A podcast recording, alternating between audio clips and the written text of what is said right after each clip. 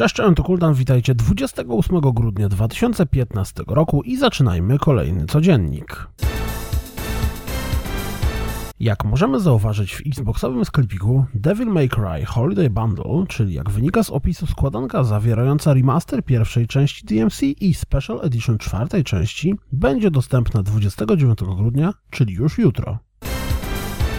Bardzo możliwe, że w końcu doczekamy się fabularnego DLC do Grand Theft Auto 5. Jak zauważyła GTA 5 Cheats, z dłubania w kodzie gry po ostatnich update'ach wyciągnięto informacje o treści. Fabularne DLC nie może zostać wczytane, potwierdź aktywację i uruchom GTA 5 jeszcze raz.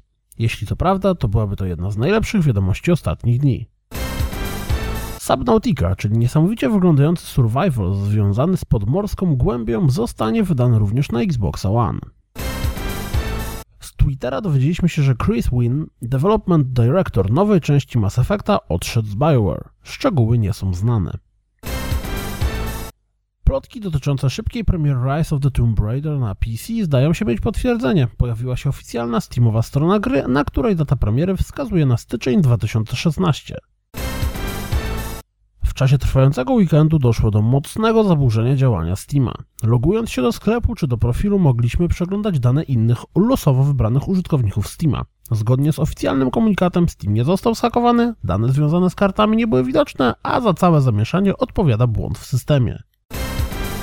Wszyscy fani Nintendo powinni sprawdzić rozmowę z Isao Moriyasu, prezydentem Dena, czyli firmy odpowiadającej za smartfonowe zabawy z grami od wielkiej N.